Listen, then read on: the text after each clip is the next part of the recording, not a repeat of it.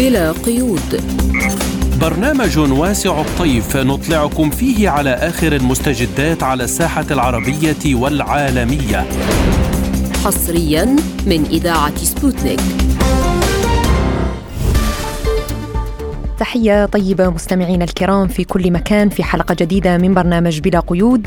نصحبكم فيها من استديوهاتنا في موسكو أنا فرح القادري. وأنا محمد جمعة والبداية بأبرز العناوين. واشنطن تعتزم إرسال مساعدات جديدة لأوكرانيا بقيمة 200 مليون دولار. اجتماع في العاصمة أديس أبابا لبحث إنهاء الصراع في السودان. وزير الخارجية الجزائري يؤكد موقف بلاده من معارضة التدخل العسكري في النيجر. نصر الله يهدد قادة إسرائيل بالعودة إلى العصر الحجري إذا ذهبوا إلى الحرب مع لبنان. تونس تؤكد رفضها التطبيع مع إسرائيل التام وتنفي المزاعم المتداولة. لازلتم تستمعون إلى برنامج بلا قيود. وإلى التفاصيل حيث أعلنت الولايات المتحدة عن عزمها إرسال مساعدات عسكرية جديدة إلى أوكرانيا بقيمة 200 مليون دولار. بهذا الصدد قال وزير الخارجية الأمريكي أنتوني بلينكين بأن المساعدات تتضمن ذخائر للدفاع الجوي والمدفعية وعتادا مضادا للمدرعات وأجهزة إضافية لدعم جهود إزالة الألغام وتعمل واشنطن حاليا على طلب ميزانية تكميلية لمواصلة مساعدة كييف. من جهة أخرى علق السفير الروسي لدى واشنطن أناتولي أنتونوف على تخصيص الولايات المتحدة حزمة جديدة من المساعدات العسكرية لأوكرانيا مشيرا إلى أن واشنطن تغرق أكثر فأكثر في المواجهة مع روسيا بأيدي أوكرانية وترسل دفعات جديدة من الأسلحة والأموال إلى نظام الرئيس الأوكراني فلاديمير زيلينسكي وأيضا تأمل بأن يستمر النزاع الأوكراني لفترة طويلة. وللحديث أكثر عن هذا الموضوع نستضيف الباحث الأكاديمي والخبير بالشأن الروسي الدكتور محمود الأفندي. أهلا بك دكتور محمود. يسعد أوقاتك سيدي الكريم وإلى الأخوة المستمعين. وأبدأ معك بإعلان وزير الخارجية الأمريكي أنتوني بلينكن عن حزمة جديدة من الأسلحة الأمريكية لأوكرانيا بمبلغ 200 مليون دولار. دكتور كيف برأيك ستؤثر الشحنات الجديدة على مسار العملية الخاصة؟ أه، هلا طبعا إذا جمعنا ال 200 مليون دولار بالحزمه الجديدة ونجمع المبلغ التي دعمت فيه الولايات المتحدة الأمريكية منذ بداية العملية العسكرية الخاصة يقارب ال 45 مليار دولار الآن. الاتحاد الأوروبي 20 مليار أه، بعض الدول مثل بولندا وأوروبا الشرقية بالأسلحة حوالي كمان 10 إلى 12 مليار. وصلنا إلى مجموع تقريبا 70 80 مليار. ولم يغير أي شيء فقط مددت ما يسمى معاناة الشعب الأوكراني. فقط يعني كان في بالامكانيه بدون هذه المساعدات يحصل اتفاقية واتفاقية السلام بين الطرفين على اساسها يمكن أن يمكن أن يوقف النزاع. ولكن بعد هذه الإمدادات لم تعطي أي تغير أي شيء على خط الجبهة العسكرية ولكن آه، مددت مدة الصراع فقط وأصبح القتال حتى آخر أوكراني، يعني الولايات المتحدة الأمريكية مصرة حتى الآن مصر إصرار كامل حتى الآن على ما يسمى الاستمرار بدعم أوكرانيا حتى آخر اوكراني وهون ما الواشنطن بوست على فكرة من يومين قرأت مقال مهم جدا من واشنطن بوست ونعلم الواشنطن بوست هو مصدر للمخابرات الأمريكية أو ال CIA أن الولايات المتحدة الأمريكية تدفع مبلغ رخيص من أجل هيمنتها على العالم وسيطرتها على العالم.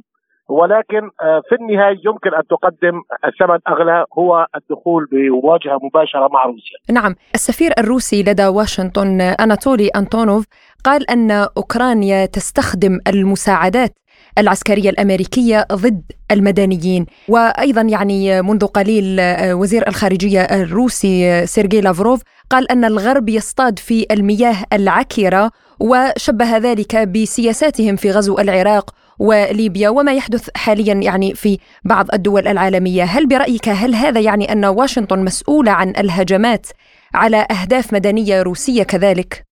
إذا رأينا أنسي فرح إذا نظرنا إلى التاريخ نوعا ما. نعلم أن الحروب الأمريكية والإنجليزية هي أول شيء توجه ضد المدنيين إذا لاحظنا في أفغانستان في العراق في فيتنام كله بيكون أول شيء الهجوم بيكون على البنية التحتية وعلى المدنيين للزعر أول شيء.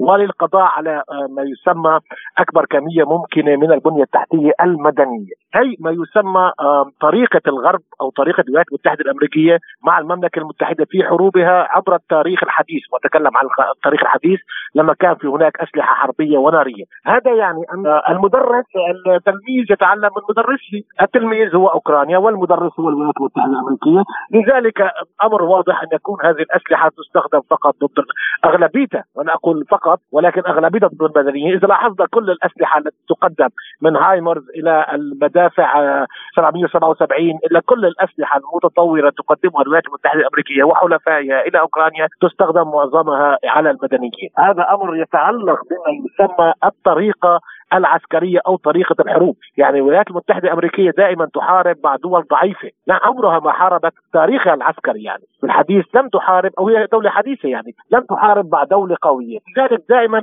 تحب استعراض القوة عن طريق تدمير البنية التحتية المدنية وقتل أكبر كمية ممكن المدنيين. هذا ما حصل في كل الدول اللي حاربتها ولذلك تعلم أوكرانيا بالطرق التعليمية المباشرة كيف تتعامل أوكرانيا. لذلك نرى أوكرانيا تتصرف نفس تصرفات الولايات المتحدة الأمريكية. لذلك هذه يمكن أن يستمر الدعم العسكري. على سبيل المثال القنابل العنقودية. القنابل العنقودية أعطيت لأوكرانيا بلا خجل وتستخدمها الآن ضد المدنيين بشكل مكثف وليس هناك اي ما يسمى استياء عالمي من استخدام هذه القنابل العنقودية، يعني هذا قصده الوزير لافروف هذا ما يسمى اللعب بالنار وتعليم اوكرانيا أساليب القذره يمكن أن يؤدي فعليا إلى رد قوي من جانب روسيا أو يؤدي فعليا إلى اشتعال شرارة الحرب العالمية الثالثة. هذا أمر مهم جدا يمكن أن يحصل في المستقبل. لذلك كل هذه التصريحات ضمن الأمر الواقعي هو أن نحن أمام إستاذ في الإرهاب واستاذ في التنسيق بإرهاب المدنيين وطالب جديد هو أوكرانيا تعلمت تاريخ أوكرانيا هي بعد الاتحاد السوفيتي. ونعلم جيدا أن الجيش الأوكراني كان جزء من الجيش السوفيتي معروف عن الجيش الأحمر لا يستهدف المدنيين بأي شكل من الأشكال. والدليل على ذلك حربه في أفغانستان. يعني كان الخسائر المدنية قليلة جدا الحروب الأخرى. لذلك الآن نحن أمام أستاذ وطالب والأستاذ يعلم طالبه باتقانيه وأوكرانيا بالفعل تتقن الدروس بشكل كبير ونرى هذه الكمية الهائلة من المدنيين. يعني بس بس مثال صغير حب حبيت أعطيه لاخوه المستمعين. يعني إذا نظرنا إلى الأمم المتحدة وأرقامها بالضحايا بالضحايا العملية ضحايا النزاع في أوكرانيا. نرى أن 90% من المدنيين هم من هجمات أوكرانيا، يعني هذا أمر مهم جدا، حتى المدنيين الذين يقتلوا داخل أراضي التي تسيطر عليها أوكرانيا عن طريق غباء ما يسمى أو غباء الجيش الأوكراني عندما يستخدم منظومات الدفاع الجوي بين الأبنية وهذه الصواريخ الدفاع الجوي التي تحاول أن تعترض صواريخ أو طائرات بدون طيار روسية يسقط حطامها على الأبنية وتدمر الأبنية. الابنيه ويحصل ضحايا. حصل ذلك في أوديسا حصل ذلك في كييف وفي كل المناطق. يعني حتى المدنيين اللي يقعوا في في الأراضي الأوكرانية المسيطر عليها من طرف أوكرانيا هي أخطاء من النظام الأوكراني. نعم ونبقى بالشأن الميداني، أعلن آه، محلل سابق في وكالة المخابرات المركزية عن انسحاب للقوات المسلحة الأوكرانية بالقرب من خاركوف، دكتور هل يمكننا القول أن القوات الأوكرانية تبدأ قريبا بالتراجع في اتجاهات أخرى؟ الله من الواضح. العملية. العسكريه المعاكسه فشلت يعني فشل وغرقت في دماء الأوكرانيين.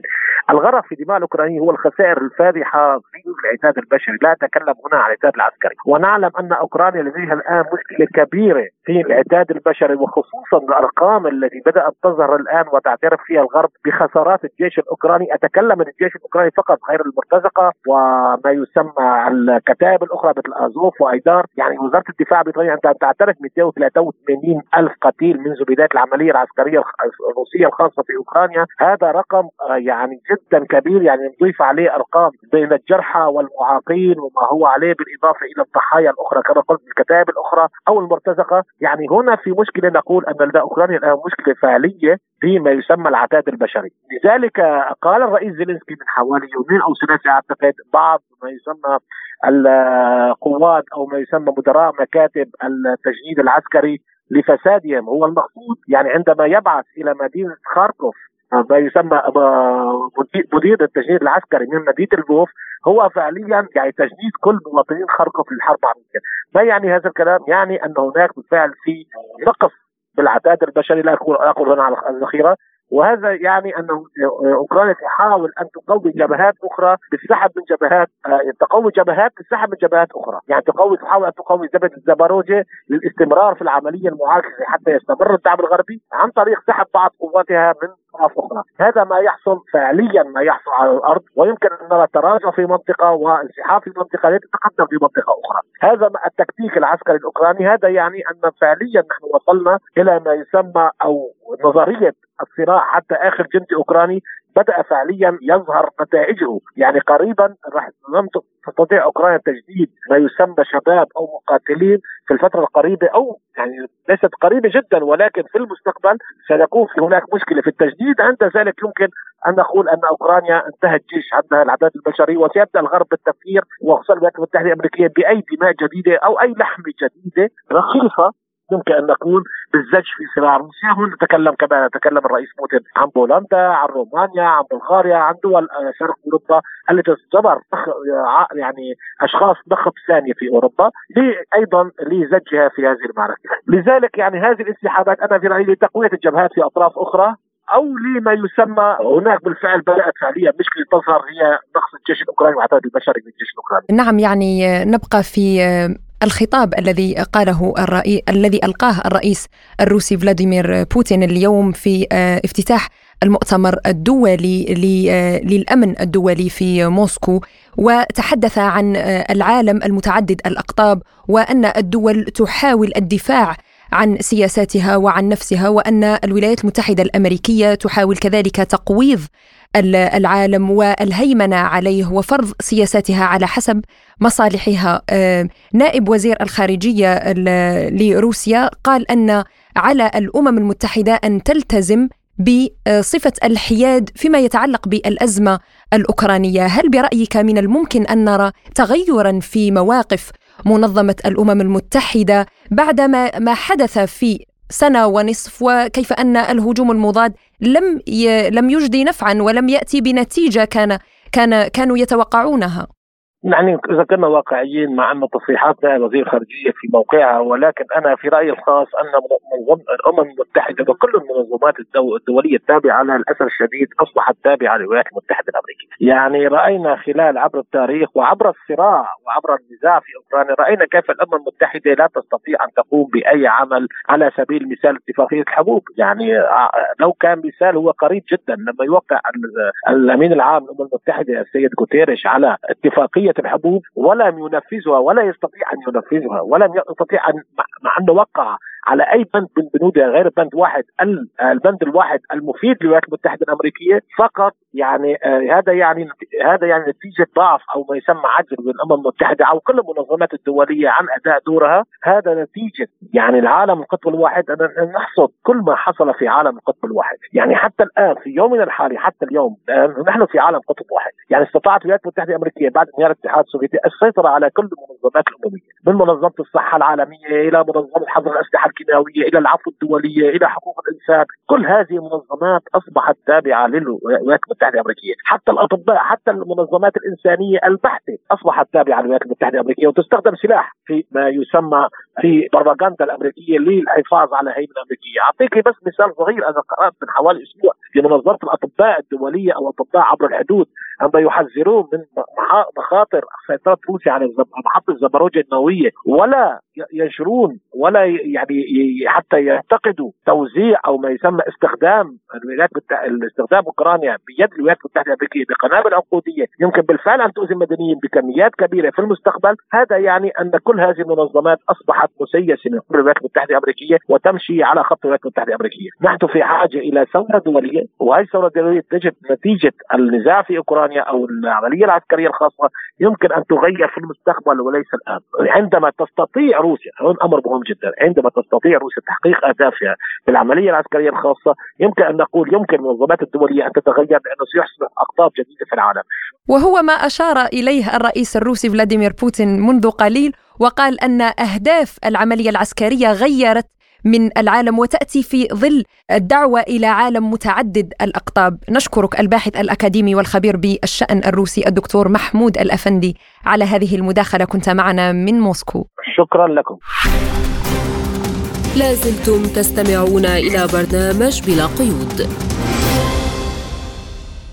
وإلى السودان الذي لا تزال الأوضاع فيه متوتره على مدى أشهر حيث أوضح المتحدث باسم قوى الحرية والتغيير. جعفر حسن عثمان أن الاجتماع المقام في العاصمة الإثيوبية أديس أبابا سيناقش أجندة سياسية لتطوير رؤية لإنهاء الحرب وعودة المسار المدني الديمقراطي للبلاد.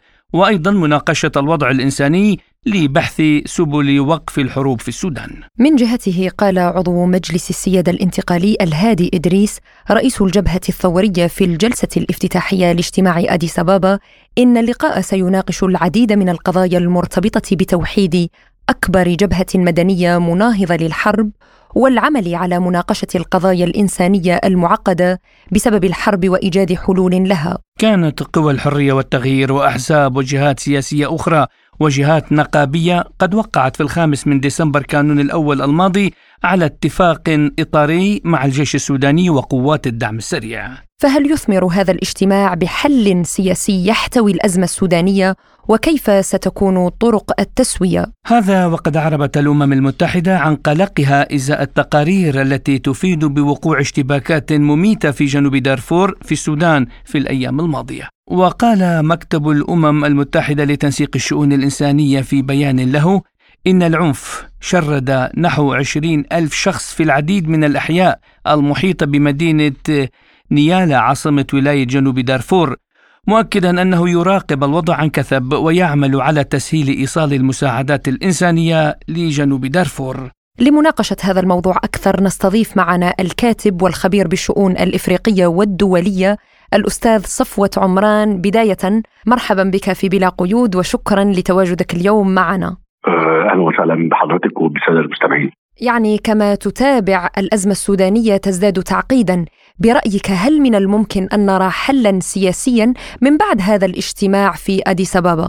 بداية الأزمة السودانية تصل إلى الشهر الخامس والأزمة الحقيقة هي يعني شديدة التعقيد وشديدة التشابكات لكن أهم آه، عنصر فيها هو آه، أو يزيد من استمرار الأزمة تمسك طرفي الصراع آه، بمواقفهم دون التوجه إلى حلول وسط وسطى أو دون محاولة الوصول إلى اتفاقيات يتم تنفيذها على أرض الواقع. اجتماع أثيوبيا نخشى أن يكون تكرار الاجتماعات السابقه في عواصم عربية ودولية لأن الحقيقة على الطاولة آه، ليس فقط الآن هو انهاء الحرب هو أمر مهم وملح آه، للسودان وجيرانه والمنطقة والإقليم وحتى على المستوى الدولي لكن الأزمة الحقيقية التي يواجهها السودانيين عموما هي الأزمة الإنسانية والأزمة الصحية هناك منظمة الصحة آه، يعني الدولية تحذر من تفاقم المرضى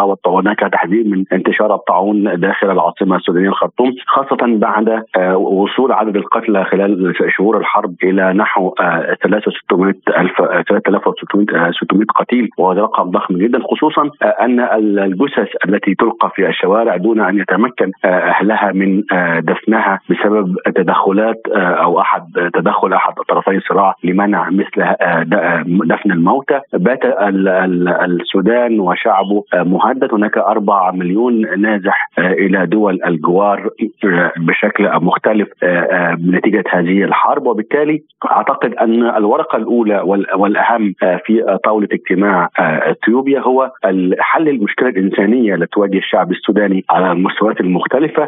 أيضا ربما المناداة الحقيقيه بوقف إطلاق النار بين طرفي الصراع والأطراف المتشابكه المشاركة خاصة أن هناك أطراف دولية اقليميا وعالميا تتداخل لصالح طرف وضد طرف آخر. كل يعني طرف إقليمي ودولي يسعى إلى مصالحه داخل السودان. الصراع على ثروات السودان هو الصراع الأساسي سواء بين طرفي الصراع على الأرض من السودانيين أو بين الأطراف الداعمة دوليا. وبالتالي هل هل يضع هؤلاء الشعب السوداني في بؤرة اهتمامهم؟ هل يضع هؤلاء مستقبل السودان ومستقبل مصالحه ومستقبل الشعب السوداني واستقراره على طاولة؟ نتمنى ان يصل السودانيين إلى اتفاق يحلحل هذه الأزمة ويصل بها إلى وجود انتخابات تفرض انتخاب يعني حكومة وسلطة حاكمة بانتخابات ديمقراطية هناك أيضا القوى المدنية عليها دور مهم جدا داخل السودان للتحذير من خطورة هذا الصراع والعمل سياسيا من أجل الوصول إلى آه، آه، استقرار السودان وخلق حالة سياسية ديمقراطية تنتهي بنا إلى إجراء انتخابات تفرض سلطة جديدة للسودان آه، خاصة أن الدولة السودانية منذ الإطاحة بحكم عمر البشير لم تشهد استقرار واضح. تفاقم الأمر منذ أبريل الماضي بالصراع بين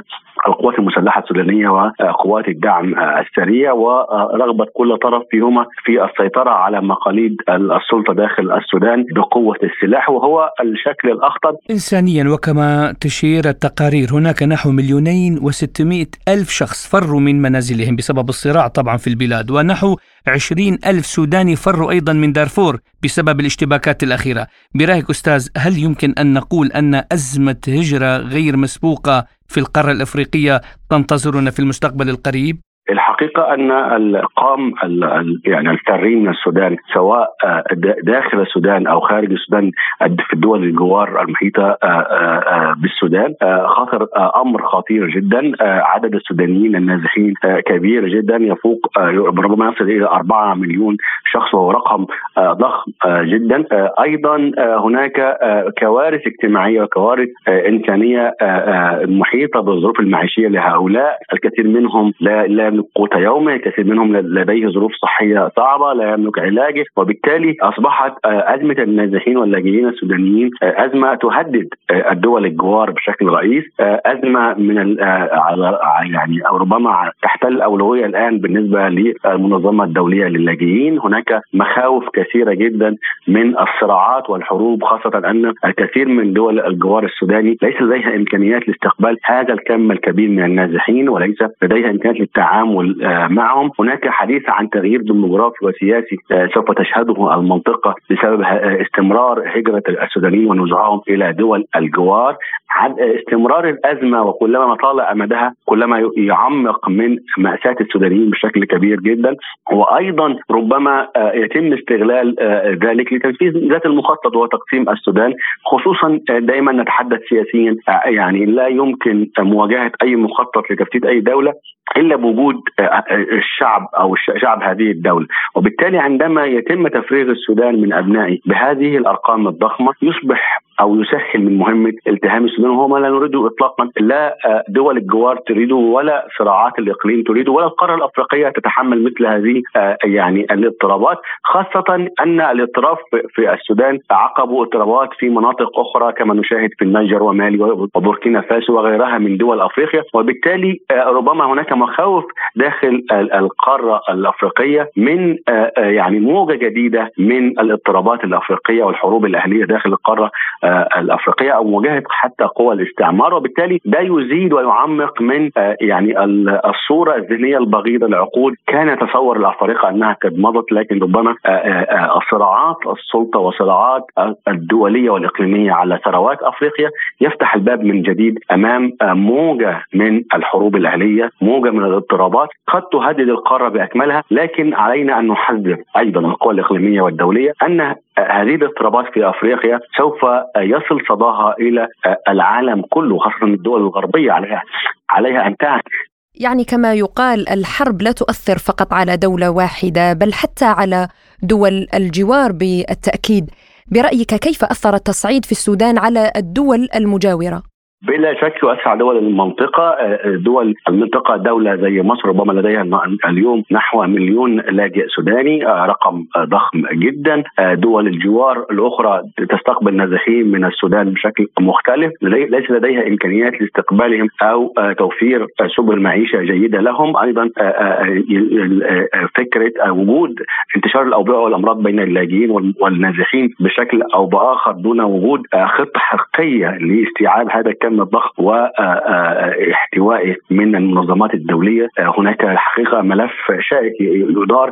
أيضا هذه الاضطرابات سوف تساهم في زيادة أعداد الهجرة غير الشرعية إلى دول أوروبا والدول الغربية وهو ملف الحقيقة لابد أن تعيه الدول الكبرى أن التدخلات في أفريقيا سوف تفجر قنبلة لكن ليس داخل أفريقيا فقط ولكن سوف تفجر هذه القنبلة في وجه العالم باثر آه، الصراع الاستعماري من أجل استمرار نهب ثروات أفريقيا. بات أمر مؤلم جدا للآفارقة خاصة أن الأجيال الجديدة بقت بدأت تعي تماما أن آه، الاستعمار بشكله القديم انتهى لكن هناك دول ما زالت تنهب هذه الثروات بأشكال أخرى وبات الحديث دائما عن السعي إلى حكومات وطنية لديها إيمان بالقضايا الوطنية وإيمان بالحفاظ على ثروات آه، الأوطان دون آه، تسليمها بكل سهولة إلى آه، الدول الاستعمار القديم، واذا الرسالة الواضحة أن الأزمة داخل السودان وبعض الدول الأفريقية لا تؤثر فقط على الداخل هذه الدول لكن تؤثر على المحيط الإقليمي والمحيط الدولي. وبالتالي مهم جدا أن يكون هناك تحرك على كافة المستويات من أجل إحلال السلام في هذه الدول ليس فقط من أجل مصالح شعوبها ولكن أيضا من مصالح استقرار الإقليم واستقرار القارة الأفريقية واستقرار الشأن العالمي والدولي. نعم نشكرك الكاتب والخبير بالشؤون الأفريقية والدولية الأستاذ صفوة عمران. لازلتم تستمعون إلى برنامج بلا قيود. وإلى الأوضاع في النيجر التي يبدو أن الغرب يحاول خلق بؤر توتر جديده في أفريقيا وهذا ما تعارضه الدول المجاورة التي يشكل أي خطر يمس النيجر مع حدودها وأمنها واستقرارها وفي مقدمتهم الجزائر التي تعارض أي عملية عسكرية في جارتها الجنوبية النيجر حيث أكد الرئيس الجزائري عبد المجيد تبون تحفظ بلاده على الخيار العسكري لحل أزمة النيجر التي بدأت بانقلاب عسكري في السادس والعشرين من يوليو تموز الماضي. كما أبلغت الجزائر نيجيريا التي يترأس رئيسها بولا أحمد تينوبو المجموعة الاقتصادية لغرب إفريقيا إكواس. رفضها استخدام القوة ضد قادة الانقلاب العسكري في النيجر. ومن جانب آخر وخلال زيارة قام بها وزير الخارجية الجزائري أحمد عطاف إلى واشنطن بحث خلالها مع نظيره الأمريكي أنتوني بلينكن تداعيات الانقلاب العسكري في النيجر واستعرض الجانبان واقع وآفاق العلاقات الجزائرية الأمريكية فضلا عن القضايا الإقليمية والدولية ذات الاهتمام المشترك. هذا وقال رئيس وزراء النيجر الجديد علي محامان الأمين الزين. إن رئيس المجلس العسكري عبد الرحمن تياني أعطى الضوء الأخضر لبدء المحادثات مع المجموعة الاقتصادية لدول غرب أفريقيا إيكواس وقال رئيس الوزراء النيجيري إن القيادة الجديدة في النيجر متفائلة بشأن بدء المحادثات مع الإكواس في الأيام المقبلة. لمناقشة هذا الموضوع أكثر نستضيف معنا الخبير السياسي و العلاقات الاستراتيجية البروفيسور محمد سعيد مكي. أهلا وسهلا بك وشكرا لتواجدك اليوم معنا في بلا قيود. شكرا بارك الله فيك. ونبدأ مباشرة معك من الوضع في النيجر وتداعياته على الجار الجزائر.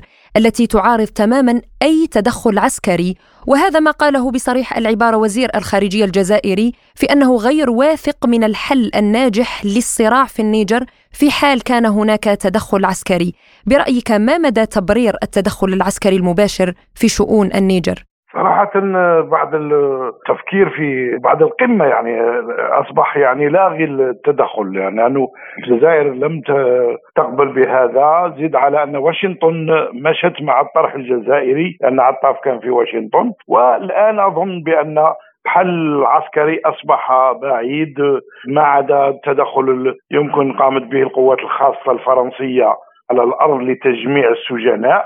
اللي فيها يعني هدف استراتيجي بالنسبة لفرنسا ولا غيرهم أو المستعمر القديم. لكن التدخل الآن أصبح كما قلت بعيد لأنه في, الأرض الآن في المفاوضات تسير فيه جماعات رؤساء وصلوا فيه فيه كذلك يعني التسرع من طرف الهرم السياسي أو المجلس الأعلى اللي مسك أنه عين يعني وزير أول وعين حكومة وبصبح يشتغل زيد على أن الشعب النيجيري في نيامي خرج بقوة من أجل تأييد هذا. يعني العمل أو يعني العمل العسكري اللي قامت به هذه الجماعة. اذا الآن أظن بأن يعني مثله مثل دول الساحل سيبتعد العمل العسكري. هذا ما لاحظه كثير من الملاحظين الاستراتيجيين و بفضل كذلك دور الجزائر يعني بالعمل ككل جماعات كانت والجزائر رأيها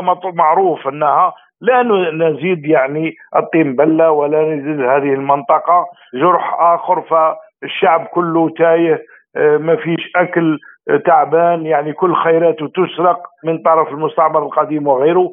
اذا آه، أظن بأن الوضع الآن الحالي لا يسمح بتدخل عسكري مثل ما كانت تحلم به الإكواس. برأيك هل ستحاول الجزائر إحباط مثل هذه المحاولات؟ وما مخاوف الجزائر من تداعيات هذا الانقلاب وتوتر الأوضاع عموما هناك؟ نعم الجزائر قالتها بصراحة والسيد قائد الأركان قالها في روسيا وقالها بعد بأنه لا تسمح بأي عمل. فمعنى هذا أن الدبلوماسية هي اللي تعمل الآن. الجزائر كذلك كوسيط يمكن أنه يقوم ب حتى الفرنسيين قبلوا بأن يمكن للجزائر أن تكون وسيط من أجل حلحلة الوضع وترك يعني والسماح للرئيس المسجون المخلوع. ويعني بدء بمسار آه، يعني جديد لبناء هرم سلطوي في الدولة النيجيرية وتلاحم الشعب مع جيشه يمكن أن يؤدي لها. إذا الجزائر ما, ما, لا تقبل بأي تحرك ولم تسمح ولا اغلقت يعني حتى الأجواء آه، أمام الطائرات الفرنسية، إذا كيف سيذهبون؟ آه، الولايات المتحدة كذلك لا تقوم بأي شيء، تحافظ على مصالحها وزودت حماية يعني القاعدة اللي عندها هناك طائرة بدون طيار والمسيرات، ولكن كذلك آه، أظن في تفاهمات يعني استراتيجية وتحت الطاولة مع الدول القوية. بالنسبة للوضع مع أو بالنسبة للمحاولات الأوروبية خلاص الجزائر ثاني قالتها بصراحة العبارة مع بوريل آه، بأنه لا تدخل ولا نقبل بأي تدخل في الجارة وفي العمق الجزائري لأن العمق الجزائري النيجر ومالي وبوركينا فاسو وكذا. آه، زيد على أنهم آه، وجدوا دعم من الدول الأخرى كما مالي وكما آه، بوركينا فاسو وتشاد كذلك اليوم في حلحلة وفي تحركات وفيه مناطق حتى أخرى زي السنغال وموريتانيا وكلها تتحرك في هذا الاتجاه وزد على أن التحالف الجزائري الاستراتيجي الروسي الجزائري أدى إلى تغيير كثير من الحالات في هذه المناطق مثل ما يحدث الآن في ليبيا مجلس آه، السلم والأمن التابع للاتحاد الإفريقي يتعذر عليه حاليا التوصل إلى اتفاق بشأن تعليق عضوية النيجر في منظمة الوحدة الإفريقية. برأيك هل هذا يعني أن الاتحاد الإفريقي لا يزال لديه أمل في حل سلمي للصراع في النيجر؟ إيه نعم آه، الحل السلمي حقيقة هو الحقيقة يعني آه، ما فيش يعني تعليق للعضوية وحتى كما قلت أن القمة الأخيرة للسيداو والا آه، يعني هذه الجماعات الجماعة اللي ماسكة يعني المنطقة بتاع الساحل وكذا. ما خلاص غرب إفريقيا مشت في طريق الجزائر وأظن الجزائر لها دور قوي في مجلس السلم والأمن في إفريقيا. وما لم لن يكون يعني هناك لا تدخل ولا رفع للعضوية أو حتى إذا رفعت الفطرة ما هيش راح تؤدي إلى ما يريدونه، يريدون أن الرئيس يطلق سراحه هو وزير الخارجية هذا ما سيكون يعني والعمل هكذا من أجل هذه الورقة الطريق اللي موجودة الآن. وزير خارجية النيجر قال إن إطلاق سراح رئيس النيجر محمد بازوم وعودة صلاحياته شرط للمفاوضات مع المتمردين. ما مدى واقعية تحقيق الثوار لهذه الشروط؟ هل سيقدمون تنازلات من أجل الحفاظ على البلاد؟ لا هم هم يمكن مصالحهم هي أهم حاجة لكن تحركوا بقوة الوزير الأول هذا الجديد يعمل معروف لدى الهيئات الدولية البنكية و في نفس الوقت أقول بأنهم آه، حاولوا مقايضة آه، عدم التدخل في أرضهم براس هذا الرئيس حتى قالوا أنه يمكن يعدم إذا فيه تدخلات. ولهذا حبست الايكواس ولا تريد أن تدخل. آه، اذا الآن أمامهم آه، أنهم يعملوا مثل ما عملت مالي ومع يعني وبعض الدول الأخرى. يعني يمكن فيه آه، اعتراف بطريقة أخرى لأنهم لا يمسون مصالح الولايات المتحدة الأمريكية والقاعدة. الأمريكية اللي موجودة هناك ويعني يكون يعني لا يعني الرئيس الوزير الخارجية الجزائري يكون جاب يعني آه، خارطة الطريق لهذا النظام اللي جاء من جديد. الخبير السياسي بالعلاقات الاستراتيجية البروفيسور محمد سعيد مكي كنت معنا ضيفا عزيزا في بلا قيود شكرا لكم. لازلتم تستمعون إلى برنامج بلا قيود. وإلى لبنان حيث حذر الأمين العام لحزب الله اللبناني حسن نصر الله إسرائيل من محاولة منع اللبنانيين من ممارسة حقوقهم في تطوير موارد النفط والغاز. وقال في كلمة بثتها قناة الميادين التلفزيونية إن لدى قوى المقاومة الترسانة اللازمة لحماية لبنان من هجوم إسرائيل. وصف نصر الله في كلمة متلفزه ألقاها بمناسبة الذكرى السنوية السابع عشر لحرب تموز عام 2006 على لبنان الجيش الإسرائيلي بأنه في أسوأ حالاته في الوقت الحالي مقارنة بأي وقت مضى وقال نصر الله بهذا الصدد إذا ذهبتم أي إسرائيل إلى الحرب مع لبنان أنتم ستعودون إلى العصر الحجري. للحديث أكثر عن هذا الموضوع ينضم إلينا من بيروت الخبير العسكري والاستراتيجي العميد أمين حطيط. أهلا بك سيادة العميد في برنامج بلا قيود. وأسألك ما الذي أفاض الكأس الآن لنسمع هذا النوع من التحذير الذي يوجهه الأمين العام لحزب الله حسن نصر الله لإسرائيل؟ السبب المباشر للتهديد هو الموقف الإسرائيلي، الموقف الإسرائيلي المزدوج، الميداني من جهة والإعلامي من جهة ثانية، ففي الميدان أقدمت إسرائيل على ارتكاب خروقات واعتداءات في منطقة مزارع شبعة وأقدمت على ضم الغجر اللبنانية أي أرض لبنانية تقيم عليها الجماعات آه، في بلده الغجر السورية أبنية تضمتها هذا في الميدان. أما في الإعلام رئيس الأركان الإسرائيلي ووزير الدفاع الإسرائيلي قال بأن آه، إسرائيل تستطيع أن تعيد لبنان إلى العصر الحجري بما تملك من قدرة على تدمير مرافقه وتدمير آه، بنيته التحتية. في مقابل هذا هي المواقف الميدانية والإعلامية كان لابد من موقف تتخذه المقاومة لتعيد التوازن بمعادلة الردع المتبادل آه، الفاعل ولذلك أطلق السيد حسن نصر الله هذا التهديد ليقول لإسرائيل تملكون القوة التي تعيدون لبنان فيها إلى العصر الحجري. نعم هذا صحيح. ولكن أيضا نحن نملك القوة المقابلة لنعيد إسرائيل إلى العصر الحجري وهذا مؤكد. سيادة العميد يعني ما نوع الترسانة التي يمكن أن تحول التهديد إلى واقع؟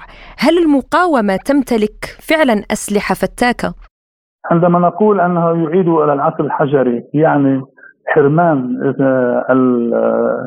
الدولة الإسرائيلية حرمان الكيان الإسرائيلي من منشآته العصرية في الماء والكهرباء والاتصالات والمواصلات والمصانع. وهذا معروف أن إسرائيل لديها مثل هذه المرافق التي تعتبر الأهداف الاستراتيجية آه، الكبرى. وهي بعدد يتراوح بين 100 إلى 130 هدف استراتيجي كبير تدميرها آه، يقود إلى حرمان إسرائيل من مزايا العصر المقاومة تمتلك ترسانة صواريخ بعيدة المدى تستطيع أن تغطي كامل فلسطين المحتلة أي تتعامل مع كافة كافة الأهداف الاستراتيجية التي ذكرنا. ثانيا تملك الصواريخ التي تحمل رؤوسا متفجرة تدميرية وثالثا تملك الصواريخ ذات الرؤوس الدقيقه، فبالتالي المقاومة تمتلك القدرة النارية التي تستطيع أن تدمر الأهداف الاستراتيجية الإسرائيلية وتحرم إسرائيل من منافعها. وكيف سترد إسرائيل على مثل هذه التصريحات اذا؟ إسرائيل ملزمة بالسكوت ولا تستطيع أن تحرك ساكنا لأنها غير جاهزة للذهاب إلى حرب لا تستطيع أن تضمن نتائجها. وبالتالي آه، الوضع برأيي قامت إسرائيل بفعل قامت المقاومة بالجواب بردة فعل وهذا الفعل وردة الفعل أعاد التوازن لمعادلة الردع وستنتهي الأمور عند هذا الحد برأيي دون الذهاب إلى مواجهة عسكرية أو اندلاع حرب بين الطرفين. يعني في سؤال أخير سيادة العميد هل ننتظر جولة جديدة من التصعيد؟ ولماذا برأيك لا تحاول السلطات اللبنانية تهدئة أطراف النزاع؟ السلطات اللبنانية معتدى عليها والذي يبادر بالعدوان هي إسرائيل الذي يسأل عن التصعيد هي إسرائيل آه، والذي يسأل عن تدخل تهدئة الأحوال هي الدول التي ترعى إسرائيل وعلى رأسها الولايات المتحدة الأمريكية والأمم المتحدة. ولكن هؤلاء بدل أن يضغطوا على إسرائيل لتتوقف عن عدوانها وتتراجع عن احتلالها للأرض وتتوقف عن تهديدها وانتهاكاتها للسيادة اللبنانية يتوجهون للبنان. وهذا أمر غير مقبول. لذلك تقوم المقاومة بما عليها. أما السلطة اللبنانية فمن غير المعقول أن تضغط على المقاومة وتترك إسرائيل تسرح وتمرح في ميدان الاعتداءات على لبنان. الخبير العسكري والاستراتيجي العميد أمين حطيت شكرا جزيلا لكم. لازلتم تستمعون إلى برنامج بلا قيود. وإلى تونس علق مسؤول تونسي على تحذيرات عبد القادر بن قرينة رئيس حزب حركة البناء الوطني الجزائري بأن تونس مقبلة على التطبيع مع إسرائيل. وقال بن قرينة في فيديو نشرته وسائل إعلام جزائرية أتمنى أن تكون أعين الدولة الجزائرية مفتوحة وهي كذلك بعد الزيارات المشؤومة لتونس مؤخرا من أجل شراء تطبيعها قد يكون قريبا وقريبا جدا وأعني ما أقول. من جانبها قالت البرلمانية التونسية فاطمة المزدي إن المجلس التشريعي لديه مشروع قانون قيد الدراسة يجرم التطبيع مع إسرائيل. ولتعليق أكثر عن هذا الموضوع نستضيف معنا النائبة في البرلمان التونسي السيدة فاطمة المسدي أهلا وسهلا بك. مرحبا بك وشكرا على الاستضافة. برأيك يعني ما موقف الشعب التونسي من محاولات إثارة البلبلة في الشارع بمحاولات التطبيع بين تونس وإسرائيل؟ أنا لا أعتقد أنه تونس هي معناها معناها نتيجة أقاويل وأكاذيب وإشاعات ستتأثر بهذه الأقاويل والإشاعات لأنه مؤسساتنا الرسمية هي تدرس الآن في مشروع قانون من أجل تجريم التطبيع، نحن في البرلمان بصدد دراسة هذا المشروع بتاع القانون ولما نكمل بعد الدراسة يعني هذا القانون سيتم دولته وبعد ذلك سيتم عرضه على الجلسة العامة. في الأثناء لا أعتقد أن هناك مساعي آه، من الدولة ضد المساعي الرسمية. ونعتبر أنه رئيس الدولة قد عبر في عديد المرات على أنه التطبيع مع الكيان الصهيوني هو خيانة عظمى. وقد عبر عليه في كل المؤسسات الرسمية، فرئيس الدولة هو اللي يمثل الدولة التونسية وسياسه الخارجية ولا مجال لأن يكون أي تأويل أو شعبوية أو أقاويل من دول أخرى أو من أحزاب أخرى لأجل التشكيك في موقف تونس من الكيان الصهيوني، ونعتقد أيضا إنه بالنسبة لنا ما يعبر عن الخارجيه في الدولة التونسيه هي مؤسساتها الرسميه ونحن في مؤسستنا الرسمية ضد التطبيع مع الكيان الصهيوني. وما دور المجتمع المدني والأحزاب السياسية في الإصرار على الموقف وعدم التطبيع مع إسرائيل؟ نحن اليوم في البرلمان التونسي نحن منتخبين الشعب ونمثل كل شرائح الشعب سواء أحزاب أو مجتمع مدني أو غيره. وبما أننا نمثل الشعب التونسي فنحن معناها في بالطبع نحن في تواصل مع المجتمع المدني ومع الأحزاب ونحن لنا نفس الموقف وهو الموقف المحايد من من كل سياسات الخارجية للدول الأخرى لكن يجب أن تحترموا سيادتنا ونحن في السياسة الخارجية ضد التطبيع مع الكيان الصهيوني. سيدة فاطمة يعني برأيك لماذا تم إثارة مثل هذه الأقاويل التي جاءت من رئيس أحد الأحزاب السياسية في الجزائر في ظل التوتر الذي تشهده تونس يعني من أزمات سياسية واقتصادية واجتماعية وغيرها. فليمارس الشعب ويمارس السياسة في حزبه في بلده ولا مجال بأن يتدخل في السيادة الوطنية لتونس، يعني نحن لا ننتظر من أحزاب من دول أخرى أن تتكلم باسم تونس أو أن تعبر على تمشي لسياسة خارجية تونسية، نحن في تونس لنا سياستنا الخارجية واضحة بمؤسساتنا في غيرها وكل ما يأتي مخالف ذلك من هالسياسيين الذين يترصدون بنا نحن نرفض رفضا تاما ويجب أن يقف عن حده هذا التدخل في شأننا. نعم نشكرك يا النائبة في البرلمان التونسي السيدة فاطمة المزدي على هذه المداخلة كنت معنا من تونس. لازلتم تستمعون إلى برنامج بلا قيود. وإلى افتتاح المنتدى العسكري التقني الدولي ارميا 2023 في ضواحي موسكو. مستمعينا الكرام ننقل لكم آخر ما توصلت إليه اليوم التطورات التكنولوجية الروسية الجديدة وماذا لديك يا زميلي محمد؟ في المجال العسكري حيث كشفت شركة روستيخ الحكومية للصناعات العسكرية عن اختراع رادار عسكري مصغر سيستخدمه الجيش الروسي في عملياته القتالية. وعرضت الشركة لأول مرة محطة رادار متنقلة مصغرة متعددة الوظائف في منتدى أرمي 2023 حيث يمكن لهذا الرادار رؤية الأجسام الصغيرة بما في ذلك الطائرات الصغيرة المسيرة في الأجواء. بالإضافة إلى الأهداف السطحية والشفافة اللاسلكي. وأظهرت الأقسام التابعة للشركات الروسية عددا فريدا من المعدات المميزة والتي من شأنها أن تقدم دعما كبيرا للقوات الروسية فقد رصدت عدسة سبوتنيك نسخة مطورة من المروحية الروسية كا 52 البحرية والتي كان لها دورا هاما ورئيسيا في العملية العسكرية الروسية الخاصة وتظهر المشاهد تزويد المروحية بترسانة من الأسلحة والصواريخ المتعددة الأغراض تجعل من المقاتلة الروسية سلاحا ذو قدرة فريدة على تنفيذ المهام العسكرية. أما الدبابة تي 72 فتبدو وهي مزودة بنظام تشتيت المسيرات تريتون. ذكرت الخدمة الصحفية لشركة روس إلكترونيكس القابضة والتابعة لشركة روستيخ الحكومية أنه تم الكشف عن نظام التحكم الآلي المحدث بوليانا دي 4 إم 1 لأول مرة في المنتدى العسكري التقني الدولي آرميا 2023 وللحديث أكثر حول هذا المنتدى العسكري التقني الدولي آرميا 2023 نستضيف معنا الخبير العسكري والاستراتيجي الجنرال عمر المعربوني. أهلا وسهلا بك جنرال وشكرا لتواجدك اليوم معنا في بلا قيود.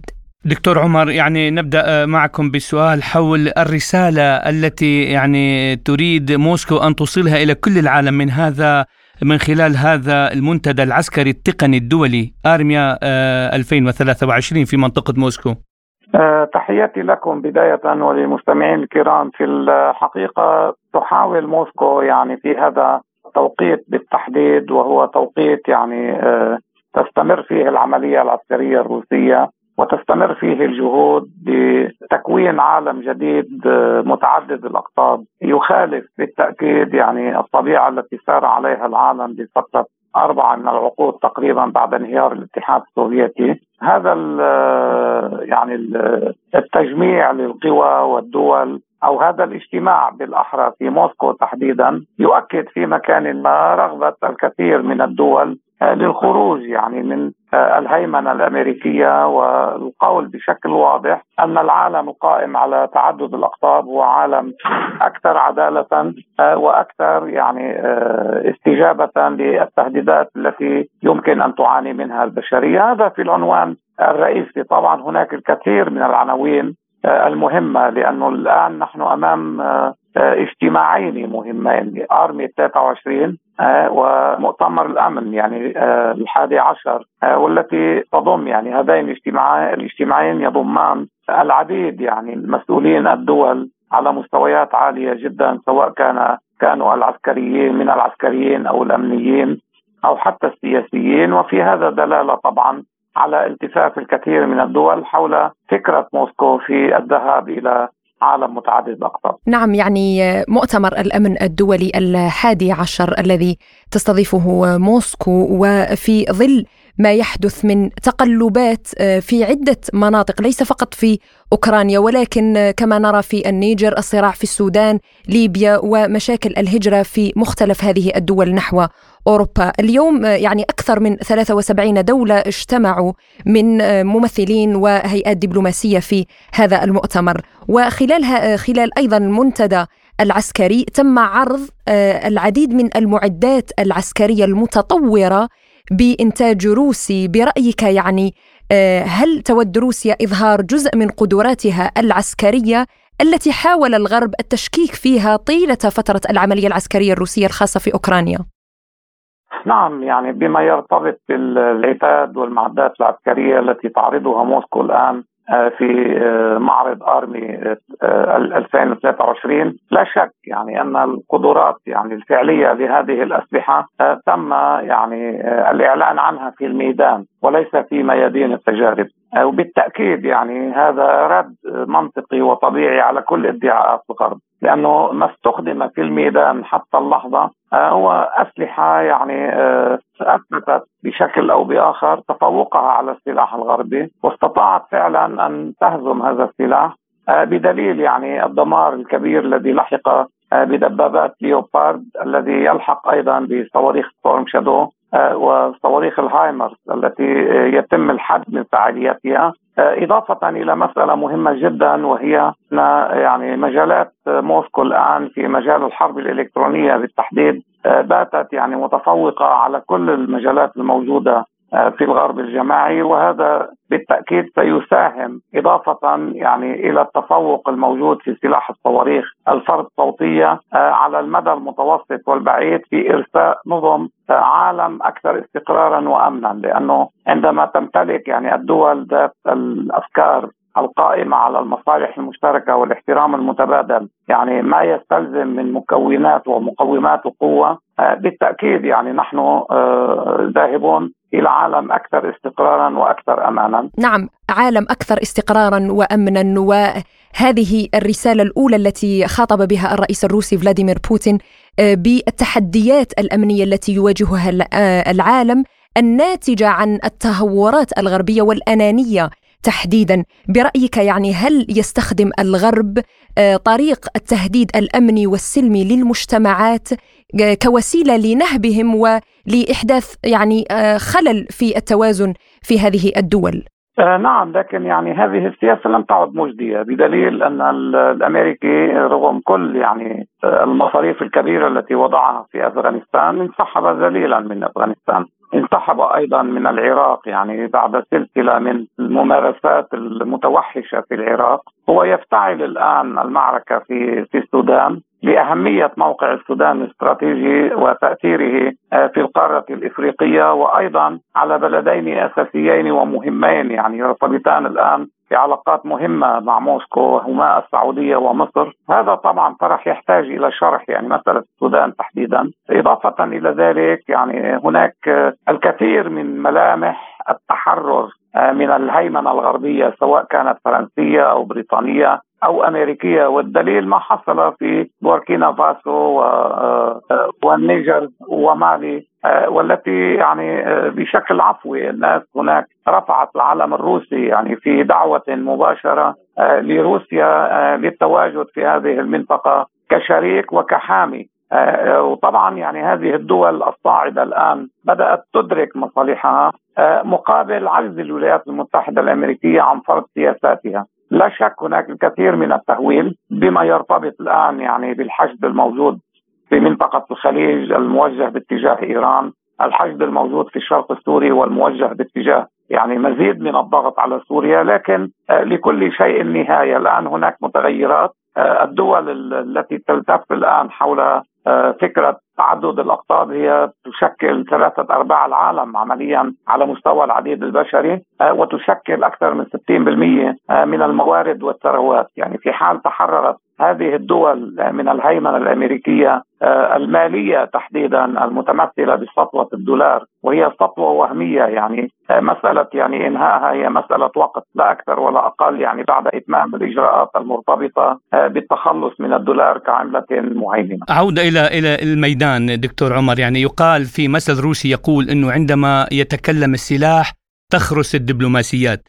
يعني إلى أي مدى ينطبق هذا القول الروسي الشهير مع هذا المنتدى العسكري التقني. نعم بالتأكيد. يعني روسيا الآن تحاول عبر آه، يعني ما تمتلكه من مكامن القوة العسكرية أن تدافع عن أمنها القومي وأمن العالم واستقراره لأنه آه، في التعريف الجدي والحقيقي بعيدا عن مصطلحات الغزو التي يستخدمها الإعلام الغربي العملية الروسية في الحقيقة هي عملية استباقية. يعني الهدف منها الحفاظ على الأمن القومي لروسيا لأنه كما هو معلوم لدى الخبراء المحترمين أن أوكرانيا كانت تعد العدة آه، يعني لاستعادة السيطرة على مناطق لوغانسك ودونيتسك التي كانت تحت سيطرة القوى الشعبية هناك، وبالتالي يعني اقتراب أوكرانيا بكل هذا الدعم الغربي المحموم من الحدود الروسية في هذه المناطق بالتحديد وهي مناطق ذات حساسية عالية كان يمكن ان ياخذوا الأمور نحو اتجاه آخر، لهذا من المهم القول أن حماية الأمن القومي لا يمكن أن تتم بالشعر وبالقصائد، على أهمية الشعر والقصائد يعني وكل أشكال آه، المجابهة في مواجهات من هذا النوع إلا أن السلاح يبقى هو الأداة الأكثر قوة وجدارة لفرض وقائع يعني وتثبيتها بما يرتبط بالحفاظ على الأمن القومي اولا والأمن والسلم العالميين ثانيا. نعم نشكرك الخبير العسكري الجنرال عمر المعربوني على هذه المداخلة القيمة. شكرا لك. شكرا جزيلا لكم. طبعا افتتح الآن في موسكو مؤتمر موسكو الحادي عشر للأمن الدولي حيث قال الرئيس الروسي فلاديمير بوتين في الكلمة الافتتاحية إن التحديات الأمنية في العالم ناتجة عن التصرفات المتهورة والأنانية للدول الغربية ودعا في كلمته المصورة التي وجهها للمشاركين في المؤتمر إلى عالم متعدد الأقطاب يقوم على أساس احترام سيادة الدول. تسعى الولايات المتحدة جاهدة لإعادة تشكيل نظام التفاعل بين الدول الذي تطور في منطقة آسيا والمحيط الهادئ لنفسها. في الواقع يهدف الترويج لما يسمى باستراتيجيات المحيطين الهندي والهادئ إلى إنشاء روابط عسكرية سياسية تسيطر عليها واشنطن. لا نستبعد أن تؤدي الأمور إلى اندماج كامل لقوات الناتو مع هياكل تكتل اوكوس الذي يتم إنشاؤه كما أن بؤر التوتر الساخنة مشتعلة في مناطق أخرى من العالم. وعلى الرغم من أن التحديات الأمنية في كل منها لها خصائصها الخاصة إلا أنني أكرر. في الواقع كل هذه التحديات ناتجة عن مغامرات جيوسياسية وأنانية وأعمال استعمارية جديدة للغرب. استمعتم إلى كلمة الرئيس الروسي فلاديمير بوتين في افتتاحية مؤتمر موسكو الحادي عشر للأمن الدولي. وحول هذا الموضوع تحدث أيضا وزير الدفاع الروسي سيرجي شويغو يقول: إن هزيمة الفاشيين الجدد الأوكرانيين المدعومين من الغرب ستكون بمثابة مواجهة للاستعمار الجديد. اليوم لا تواجه روسيا القوات المسلحة الأوكرانية فقط، بل تواجه الغرب الجماعي بأكمله الذي انضمت إليه مؤخرا دول منفردة في منطقة آسيا والمحيط الهادئ. لقد أظهر نظام كييف استخفافا خاصا في تنفيذ مبادرة حبوب البحر الأسود باستخدامها كغطاء ضد الهجمات الصاروخية من روسيا، فتم إنشاء مخزون كبير من الأسلحة والذخيرة من أوديسا وموانئ أخرى على البحر الأسود والذي يتم نقلها بشكل منهجي إلى الجبهة. علاوة على ذلك بالقرب من مخازن الحبوب تم نشر إنتاج الطائرات بدون طيار والمركبات البحرية التي قصفت مرافق البنية التحتية في شبه جزيرة القرم. تظهر النتائج الأولية للأعمال القتالية أن الموارد العسكرية لأوكرانيا قد استنفدت تقريبا حيث تقوم الولايات المتحدة تحت شعار دعم كييف بتطهير الترسانات العسكرية من شركائها في مناطق مختلفة من العالم. واعدة بإمدادات تفضيلية من المعدات الغربية الصنع في المقابل. ولكن في الواقع ما يجري هو تفريغ للسوق العالمية وتهيئتها لاستقبال منتجات المجمع الصناعي العسكري الأمريكي. هناك مشكلة إنسانية أخرى تتعلق بقرار الولايات المتحدة بتزويد كييف بالذخائر العنقودية. مع العلم أن عواقب استخدام هذه الأسلحة على السكان المدنيين هي معروفة جيدا. صرح المسؤولون الأمريكيون مرارا وتكرارا في الماضي بأن استخدام الذخائر العنقودية يعد جريمة حرب اليوم واشنطن وشركاؤها يرتكبون هذه الجريمة في أوكرانيا ولا توجد أي إدانة من المنظمات الإنسانية أود أن ألفت الانتباه إلى حقيقة أن لدينا ذخائر عنقودية في الخدمة ولكننا امتنعنا عن استخدامها لدواعي إنسانية ومع ذلك يمكن إعادة النظر في هذا القرار Однако это решение может быть пересмотрено. كانت هذه كلمة وزير الدفاع الروسي سيرجي شويغو في سياق مؤتمر موسكو الحادي عشر للأمن الدولي.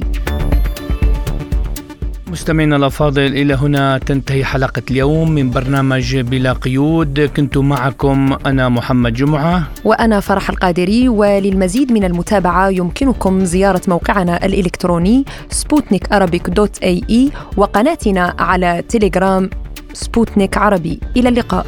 إلى اللقاء.